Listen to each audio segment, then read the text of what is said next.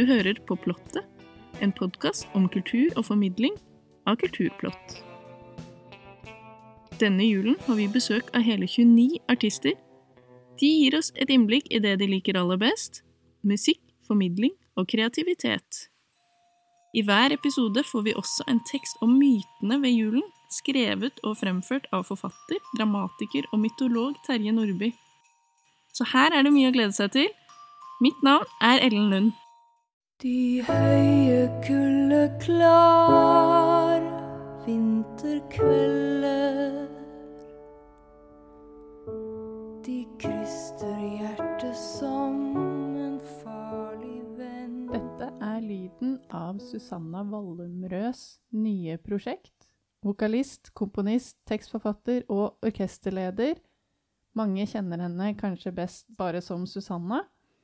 Velkommen. Takk.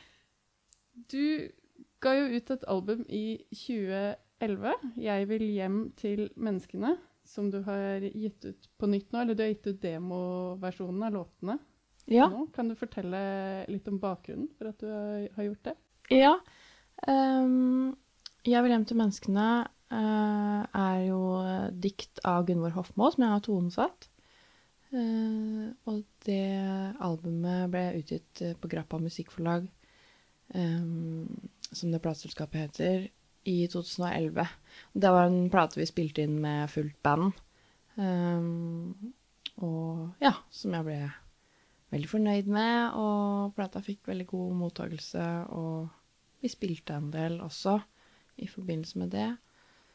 Um, så jeg vil si at det var en uh, god opplevelse på alle måter. Um, men så utvikla det seg til å bli en eh, sånn konflikt med plateselskapet, hvor de eh, ja, kanskje ikke har sånne rutiner på å levere salgstall og avregninger. Så siden jeg etterspurte det, og det er kontraktsfesta og burde være grei skuring Men det var det tydeligvis ikke, og de syntes det var såpass plagsomt at jeg spurte. Så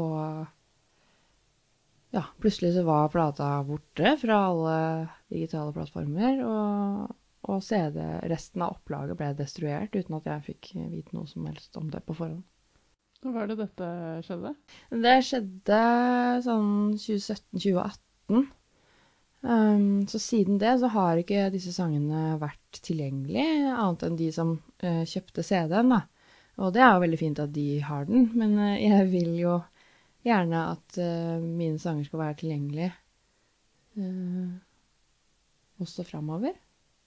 Så da Ja, jeg har vært i tenkeboksen lenge, og det har vært en litt sånn uh, disputt selvfølgelig og pågående med advokater og dill og dall og litt sånn uløselig floke, virker det som.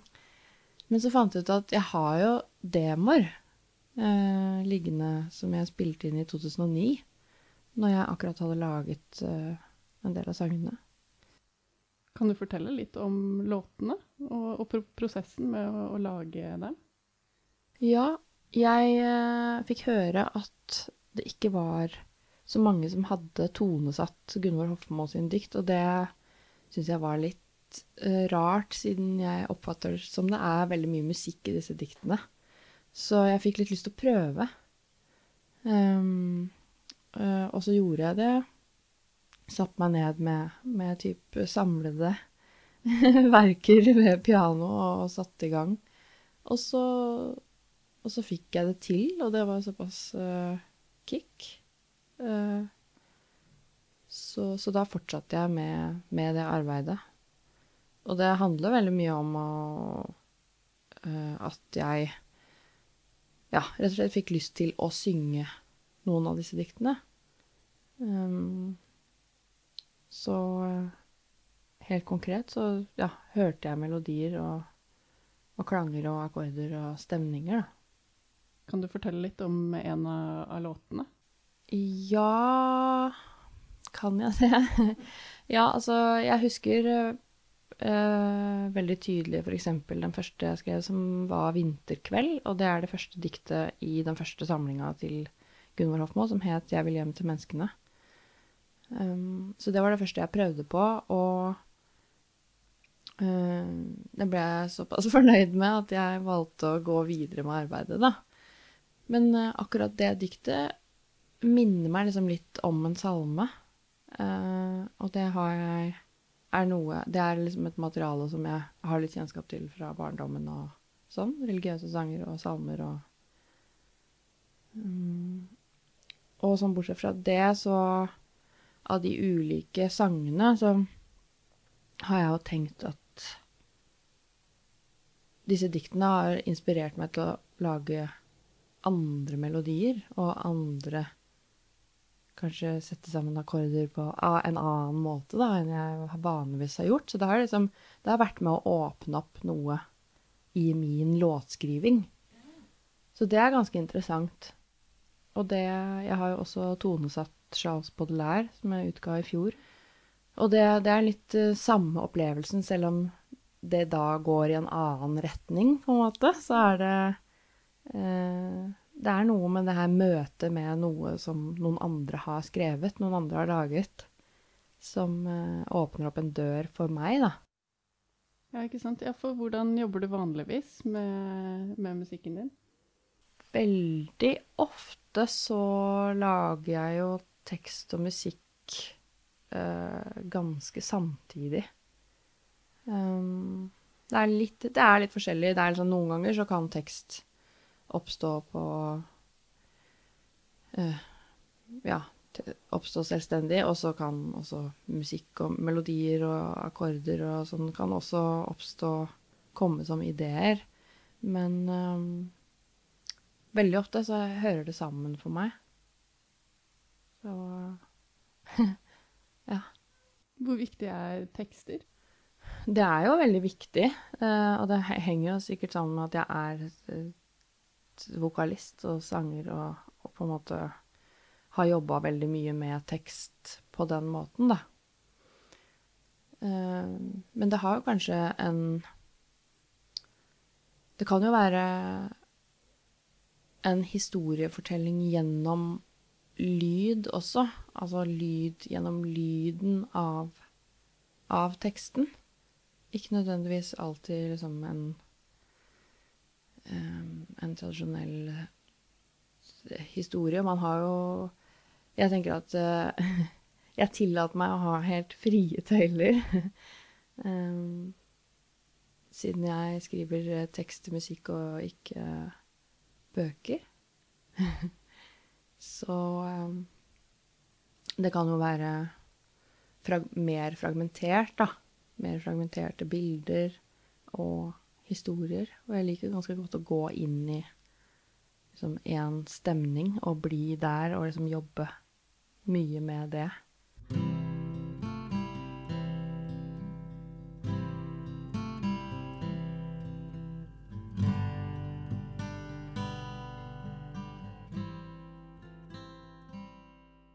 Det er jo snart jul. Ja. Eh, hva er ditt forhold til eh, julen? Um, det er både Det er liksom både fint, eh, mange fine minner fra, fra jul i barndommen osv. Og så syns jeg jula er litt problematisk. Uh, jeg syns uh, at lett kan bli veldig fokus på at uh, nå, nå, skal vi ha det så fint. og det er jo ikke alltid man har det så fint, da. Eller det er ikke alltid alle har det fint. Så hva, hva gjør vi med det? Får vi med oss uh, Er det liksom plass til å, å ikke være veldig jolly i jula? så ja, jeg har hatt Eh, før jeg traff eh, han jeg er gift med nå, så, så, hadde jeg noen år hvor jeg ikke feira noe spesielt jul. Jeg hadde litt eh, mer alternative julefeiringer. Men sammen med han så, så har jeg fått, uh, fått, tilbake gleden over jula, så det er veldig hyggelig. Så nå har vi ja, laga våre egne juletradisjoner og Eh, alt fra mat til pynting og, og sånne type ting. Så det er, jo, det er jo veldig koselig. Jeg syns jo det er hyggelig. Um, jeg kan bare få litt sånn uh, Jeg kan få litt uh, nok av liksom dette som At alt skal være så fantastisk hyggelig. Har du en favorittjulesang? Um, det er jeg litt usikker på uh, om jeg faktisk har. Men jeg er uh, Jeg er ganske glad i å høre på julemusikk, i hvert fall akkurat i jula. Uh, det er noen veldig Veldig glad i de der gamle platene med liksom Ella Fitzgerald eller Nat King Cole eller Altså de gamle sviskene. Eh, og på en måte Disney-julelåtene og sånn. Eh, men jeg vet ikke om jeg har kun én favoritt. Så det får bli eh, Ellas juleplate eller noe sånt. Mm. Hva med julefilm? Har du en film du ser? Ja, der har, har jeg en favoritt, og det er uh, 'Hjelp, det er juleferie' uh, med Chevy Chase. uh, det har blitt tradisjon. den pleier vi å se på lille julaften. og det, det er veldig det er, det, er, det er, jo en underholdende og litt sånn plump film, men det er kjempegøy. Men da takker jeg for at du kunne komme, og så ønsker jeg deg god jul. Takk i like måte. God jul. Takk. De høye, kulde, klar vinterkvelder. De kryster hjertet som en farlig venn. Som suger siste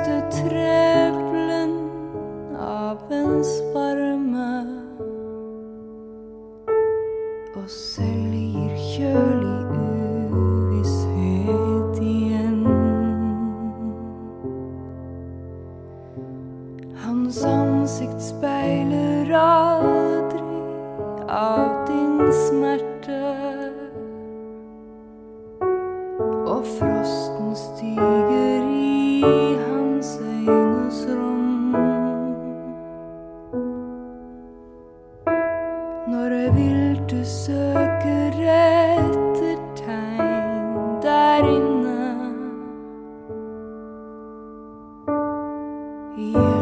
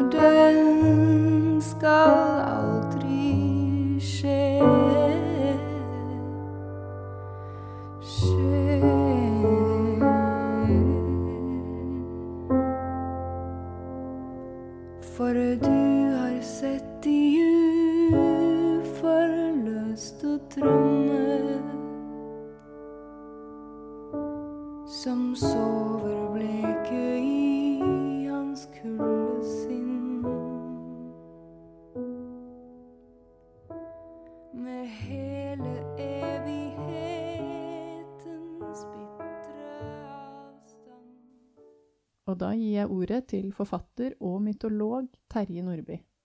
Den sicilianske helgenen Lucia, som feires 13. desember, skal ha blitt født av rike foreldre.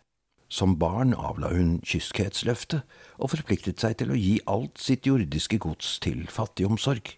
Men hun fortalte ingen om dette, heller ikke moren, som, da Lucia ble vakker og gifteferdig, hadde lovet henne bort til en fornem hedning. Jenta klarte å få utsatt forlovelsen mens hun ba til Gud om å bli reddet fra ekteskapet. Moren led av blødninger. Lucia tok henne med til Catania, til den hellige Agates grav. Agate var en helgen drept 50 år tidligere. Moren ble frisk og belønnet datteren ved å gi henne lov til å leve ugift. Men den krenkede brudgommen anga Lucia som kristen. Hun ble fengslet og torturert, men tok alt med verdighet. Da ble hun dømt til å sendes til et bordell, hvor hennes kyskhet skulle gå tapt. Hun skulle fraktes på en oksekjerre til spott og spe gjennom byen, men oksene klarte ikke å rikke henne. Det ble helt kokende olje over henne, men hun kom fra det uskadd. Bødlene kjørte et sverd i halsen hennes, likevel levde hun så lenge at en prest rakk å gi henne sakramentet. Men hvordan kan Lucia ha blitt en helgen som norske barn forholder seg til med lys på hodet og pappas gamle hvite skjorter, for ikke å snakke om svenskene som begynner tidlig om morgenen med kaker og sang? Før kalenderreformen på 1700-tallet var Lucia-natten den lengste natten i året, og dermed den natten onde krefter var frie. Lucias latinske rot lux betyr lys, men ble forvekslet med demonen Lucy, som herjet og gjorde livet utrygt i mørkenatten. Trolig har man blandet jomfruhelgenens navn og festdag som tilfeldigvis falt på middelalderens lengste natt, med Lucy. Lucy var en demon man måtte leve med og beskytte seg mot ved at buskapen fikk noe ekstra, en lussebit. Etter hvert ble også gårdsfolkets frokost utvidet med noe ekstra godt denne dagen. På storgårder i Sverige var det vanlig at en ung kvinne utkledd som engel med krans av levende lys i håret kom inn og serverte herskapet før soloppgang, en arv fra tysk protestantisk julefeiring. I 1920-årene begynte så avholdsforeninger å arrangere Lucia-opptog. Så, i 1927, lot Stockholms Dagblad leserne stemme frem en Lucia. Forretningsstanden grep ideen, og Lucia-feiringene ble til regulære missekåringer. De som tapte i semifinalen, ble terner. Fellesnevneren mellom den torturerte Lucia, demonen Lucy og den gråtende ungjenta som ikke blir Lucia, er at de fremtrer i mørket, med håp om lys.